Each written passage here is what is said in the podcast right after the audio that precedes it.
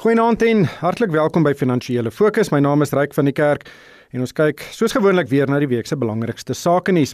My gaste vanaand is Chantel Marx. Sy is hoof van beleggingsnavorsing by FNB Wealth. Goeienaand Chantel. Goeienaand Ryk en goeienaand aan die luisteraars. En ook Christo van der Rede. Hy is die uitvoerende direkteur van Agri SA. Goeienaand Christo. Goeienaand Ryk en goeienaand Chantel. Chantel, kom ons begin by die sekerlik die grootste nuus van die week op die sakefront en dit is dat 2,2 miljoen mense hulle werk in die tweede kwartaal verloor het en dit volg ook nadat die uh, ekonomie in die tweede kwartaal met 16% teenoor die eerste gekrimp het.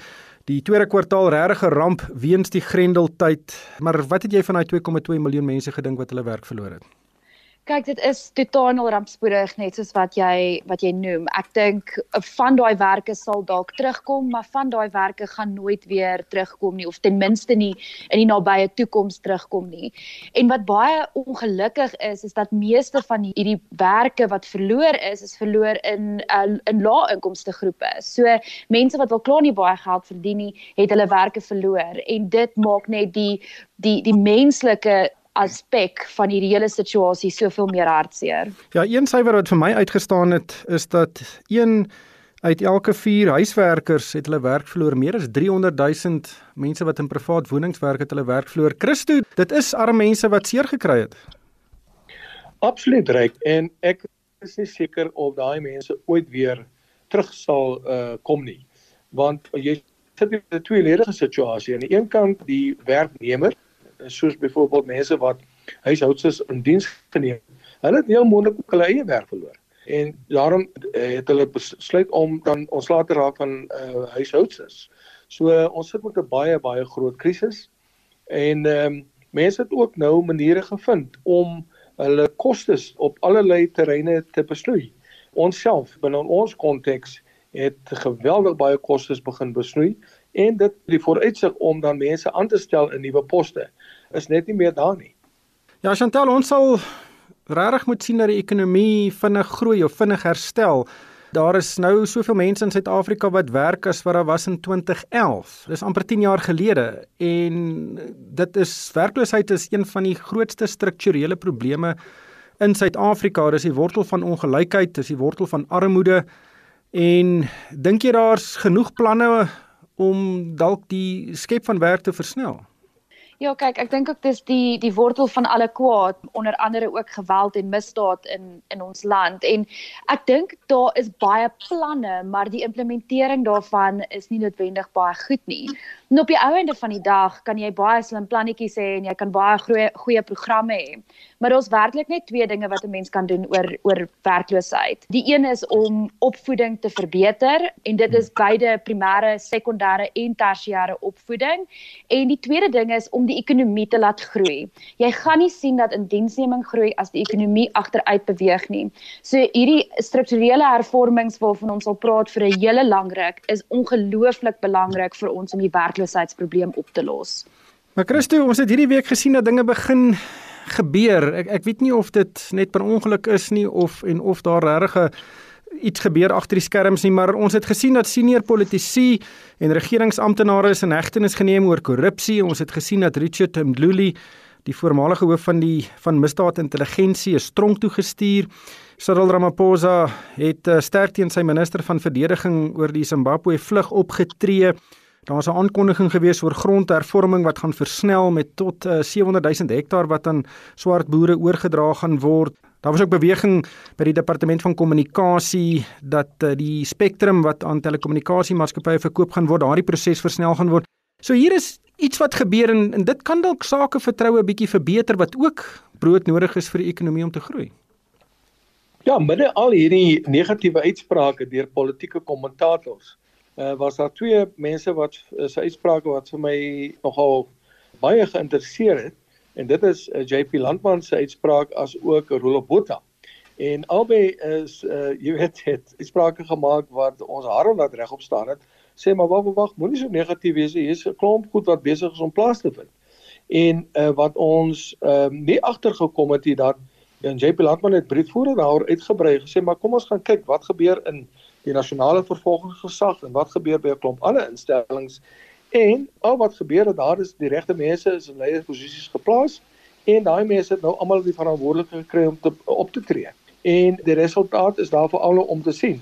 Mense hoop nou net dat hierdie ding nie momentum sal verloor nie en dat hulle vir die die die die senior politici sal gaan. Uh, Hoopelik sien ons 'n paar arrestasies uh, in die weke wat gaan kom. Chantal, hoe sien jy hierdie ontwikkelinge? Ek dink dis al baie positief en ek hou van die feit dat dit lyk asof momentum aan die gang bly van van wat ek verstaan uit uit die nuus en uit uit ander dele van van die media is maar net dat daar daar nog arrestasies kan kom en uh, miskien uit KwaZulu-Natal en ook arrestasies kan kom um, in Limpopo oor die WBS skandaal. Wat ek dink alles baie positief gaan wees vir nie net sakevertroue nie maar verbruikersvertroue ook. En dan dan by dit as mens kyk na strukturele hervormings, jy het nou die spectrum veiling genoem, maar daar's ook dalk 10800 megawatt se addisionele elektrisiteit wat gaan opgewek word in die private sektor oor die oor die volgende 1 tot 3 jaar wat 'n groot verskil gaan maak. So ek dink momentum is is positief en en ek ek sal op hierdie stadium meer positief as negatief wees as dit kom by hierdie dinge. Christo, kom ons gesels bietjie oor die aankondiging deur die minister van grondhervorming en landelike ontwikkeling Toko de Diza dat omtrent 900 plase wat uh, 700 000 hektaar beslaan aan binnekort aan swart boere oorgedra gaan word. Dit gaan eers verhuur word, maar die boere het 'n opsie om die plaas te koop. En dit volg nadat grondhervorming tot nou toe baie gesloer het. Omtrent 200 000 hektaar per jaar is sedert 1994 oorgedra. Hoe sien jy dit? Weet jy, ons is uh, baie bly dat daar beweging ook in daai uh, spasie is.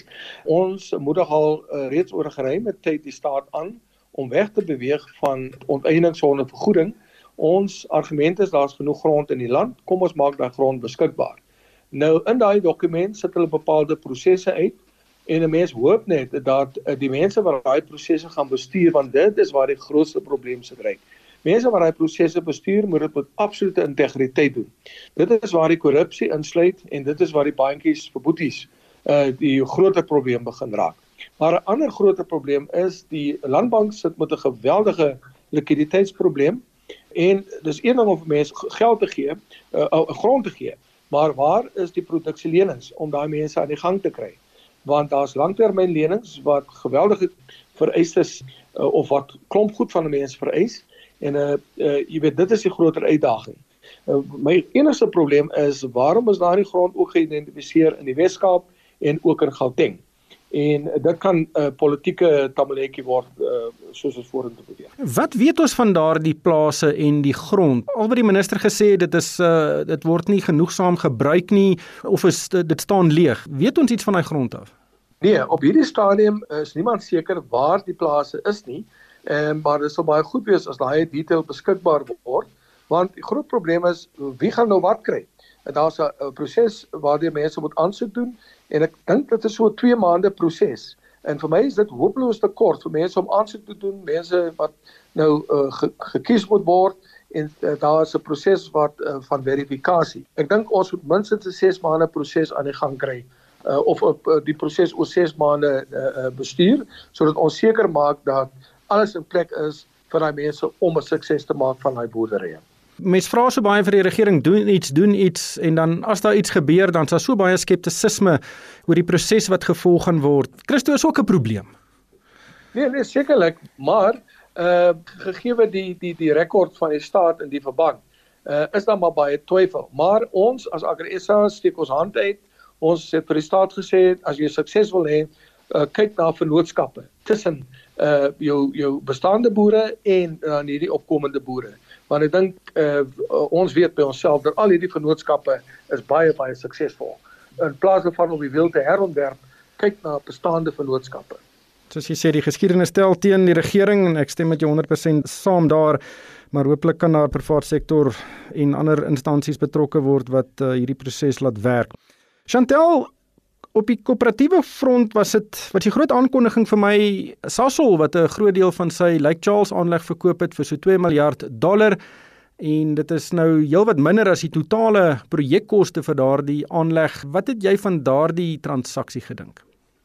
Ek dink oor die algemeen was dit goeie nuus vir Sasol. So die die 2 miljard uh, prystiket was voorheen in die media, maar ons weet nou ook wie die vernoot gaan wees. En dis 'n dis 'n groot bekende maatskappy wat hoog geag gaan word, uh, Lyondell Basel. En kyk, Sasol was onder baie druk. So die ooreenkoms was bietjie geforseer. So dit sou altyd in die ander party se guns getel het, maar ek dink hierdie gaan 'n redelike ver pad gaan om Sasol te help om sy skuldlas af te bring. En as mens kyk na die kort tot medium termyn, dan gaan dit ook baie goed wees vir kontantvloei, wat hulle gaan nie al daai skuld of daai 2 miljard se skuld wat nou afbetaal hoef te diens nie. Ek dink die die prys was was redelik negatief geweest uh Vrydag want dit lyk asof hulle nog steeds regte uitgifte uh, gaan nodig hê en ek dink as gevolg van dit is daar nog 'n bietjie onsekerheid oor die pad vorentoe vir vir Sasol se aandeelhouers. Ja, dis die sleutel van die toekoms is uh, hoe groot gaan daardie regte uitgifte wees? Daar's sprake van 'n 2 miljard dollar regte uitgifte wat die aandele wesentlik sal verwater. Dink jy hierdie transaksie kan daardie regte uitgifte dalk kleiner of minder maak? Ek is seker dit gaan dit kleiner of minder maak, maar ek dink daar is daar is twee goed wat ook 'n groot rol gaan speel. Die eerste gaan wees, gaan hulle nog goederes verkoop, so gaan hulle nog bates verkoop wat verder hulle skuldlas sal verminder.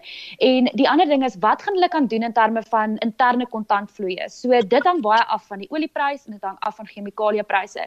En ons is baie onseker oor hoe dit gaan lyk oor die volgende paar maande, want ons is ons is nog steeds redelik onseker oor wat die ekonomiese impak of die die die die verdere ekonomiese impak van COVID-19 gaan wees. Christo, nog 'n interessante storie was die Suid-Afrikaanse lugdiens wat basies sy bedrywighede opgeskort het omdat dit nog nie die 10 miljard rand van die regering gekry wat aan hulle beloof is nie en hulle sê hulle het nou net eenvoudig nie geld nie. Wat het jy van daardie storie gedink? Ja, reg, dit is eintlik ehm um, werklik waar skrynende skande dat daar nie 'n besluit geneem kan word rondom SAL nie. Ek het vanoggend toevallig 'n gesprek met die Landbank gehad. Landbank is in 'n baie groot krisis vasgevang terselfdertyd is ons besig met 'n klomp projekte. Dit is nou hierdie uh, nuwe grondhervormingsprojek van 700 000 hektaar. Daar is die druk op uh, die verandering van die grondwet. En nou my groot vraag is waarom nie liewes daai geld hulle wil beskikbaar maak aan die SAL wat eintlik maar net vir die rykes sorg. Daai geld beskikbaar maak vir landbank om landbank uit sy krisis uit te red sodat ons grondhervorming kan teweegbring, groter werkskeping kan teweegbring en ook groter sosiale sekuriteit kan teweegbring nie. En ek dink dis 'n geval van prioriteite. Hierdie ding gaan die regering vorentoe kom byt.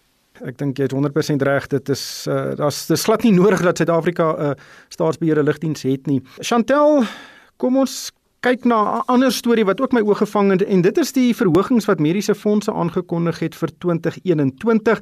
Die Raad op Mediese Skemas het die fondse gevra en gesê asseblief hou die verhogings onder 3,9% basies die net so bietjie bo die inflasiekoers en meeste van die mediese fondse het gehoor gegee. Dit is die laagste verhogings wat hierdie bedryf in ek amper sê in 'n paar dekades deurgegee het aan verbruikers. Uh, wat het jy gedink? Ek dink uh, mediese fondsverskaffers kyk op hierdie stadium bietjie meer langtermyn. Deur verhogings in te perk kan hulle lede om om nie verhogings in te perk nie, kan hulle dalk lede verloor en as mens dink aan die ekonomiese toestande waarin ons is op die oomblik, is dit moeilik bekostigbaar vir mense om regtig baie groot verhogings op hulle mediese fondse te te betaal. Ek dink die effek hiervan gaan wees dat ons 'n positiewe impak op inflasie gaan hê, menende inflasie gaan laer wees. En dit het dan verder twee verligtende impakte op verbruikers. So, minder druk op jou beursie want jou jou mandjie van goedere kos minder en dan rentekoerse kan dalk vir vir vir langer laag bly as gevolg van die feit dat inflasie onder beheer bly. Ja, baie interessant. Maar is ook onder die seker die mandjie van geadministreerde pryse, dis pryse wat vasgestel word. En uh, Christo, dis nog steeds 'n probleem, veral as ons nou kyk met wat die vooruitsigte is vir iets soos byvoorbeeld elektrisiteitstariewe wat met uh, tot 15% kan styg. En dit het weer eens 'n uitkring effek reg deur die ekonomie. Uh, Ryk ons stuur af op 'n baie groot krisis. Ons sien dat werkloosheid is besig om toe te neem. Verbruikersspandering is besig om drasties af te neem. Mense sukkel om hulle maandelikse verpligtinge na te kom teenoor hulle krediteure en daar is 'n baie groter krisis in terme van die jeug jeug werkloosheid is besig om toe te neem. Uh die groter probleem is natuurlik hoeveel van hierdie jong mense wat hierdie jaar nie goeie skoling ontvang het. Hoeveel van hulle gaan werklik waar 'n uh, toekoms het as hulle nie toelating kry tot die universiteit, tot 'n werksgeleentheid, tot 'n college of wat ook al nie. So um, hierdie is 'n toksiese mengsel wat 'n uh, geweldige nadelige uitwerking het op sosio-maatskaplike stabiliteit. En dit is my grootste bron van kommer. Die impak van al hierdie tipe van goeders op sosio-maatskaplike stabiliteit en op uh jy weet die die die algemene moraal van die hele land. Chantel net laastens, ons het nou die laaste kwartaal van die jaar betree en in die eerste 3 kwartale as ons na die beleggingsomgewing kyk, was dit maar 'n 'n klimtol in 'n huisbak. Dit was baie wisselvallig, baie die mekaar en ons het baie swaaye gesien. Wat was jou indrukke van die eerste 3 kwartale en hoe dink jy moet beleggers oor opbrengste voel? Ja kyk, ek dink as ons aan die begin van die jaar ge, gekyk het, het het besluit het aan, aan wat of as ons gedink het aan hoe ons dink die jaar gaan uitspeel, was dit definitief nie wat op die einde van die dag gebeur het nie. Dink nie enigiemand het in Januarie verwag dat markte met meer as 30% gaan sak nie. In in April het niemand gedink dat markte weer gaan terugkom nie. En op die einde van die dag het die ek dink ek die die mark veral het eintlik heel bestendig uh, vertoon gegeewe die massiewe uh, negatiewe impak wat wat COVID-19 en die Grendel tydperk op die Suid-Afrikaanse ekonomie gehad het. Ek dink as ons gaan kyk na beleggingsopbrengste vir die volgende 3 maande, verwag ons verdere wisselvalligheid net as gevolg van wat op die oomblik in die FSA aangaan en dan ook omdat daar nog steeds baie onsekerheid is oor die pad vorentoe, beide vir vir die ekonomie en vir die verbruiker en vir COVID-19. Maar ek dink op die op die einde van die dag gaan beleggers gelukkig wees as hulle net nie te veel verliese gely het hierdie jaar nie. Dit is maar net een van daardie jare. Chantel, dankie vir jou tyd vanaand. Dit was Chantel Marx, sy is hoof van beleggingsnavorsing by FNB Wealth en ook aan Christo van der Rede, hy is die uitvoerende direkteur van Agri SA. En vir my ryk van die kerk, dankie vir die saamluister en ek hoop almal het 'n winsgewende week.